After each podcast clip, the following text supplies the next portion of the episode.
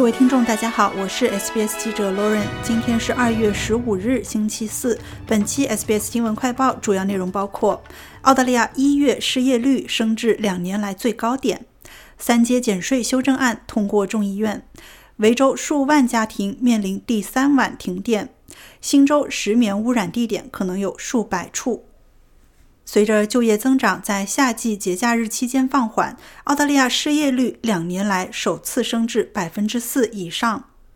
澳大利亚统计局本周四公布的数据显示，一月份失业人数增加了二点二万人，失业率从十二月份的百分之三点九上升到了百分之四点一。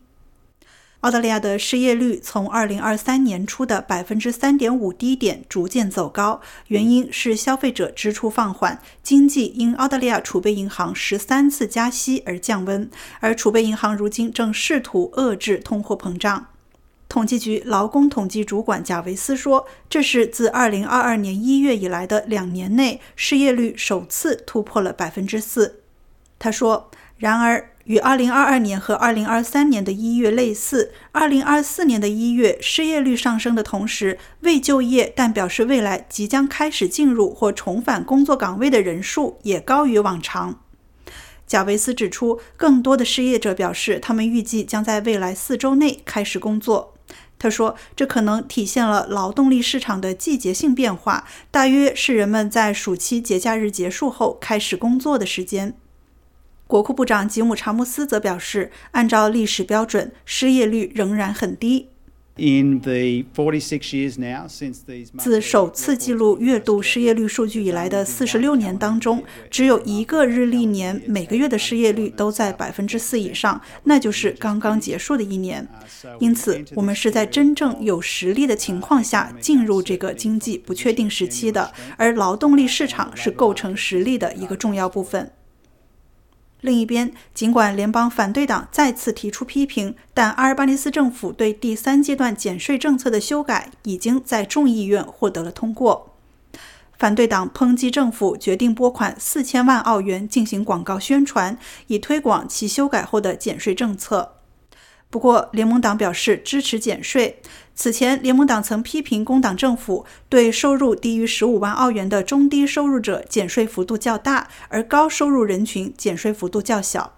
总理安东尼·阿尔巴尼斯在订婚喜讯公布之际，得到了反对党领袖达顿的祝贺。总理还在议会表示，今天在许多方面都是一个伟大的日子。This is a day in which every Australian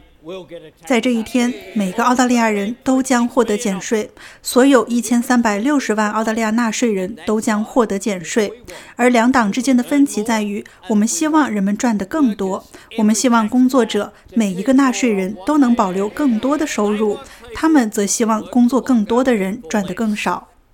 本月底参议院复会时，该法案将提交参议院。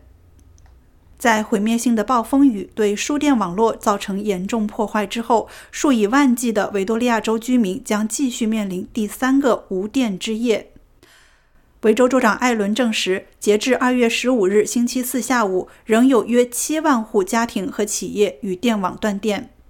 在暴风造成断电的最高峰时，全州总计有五十三万户停电。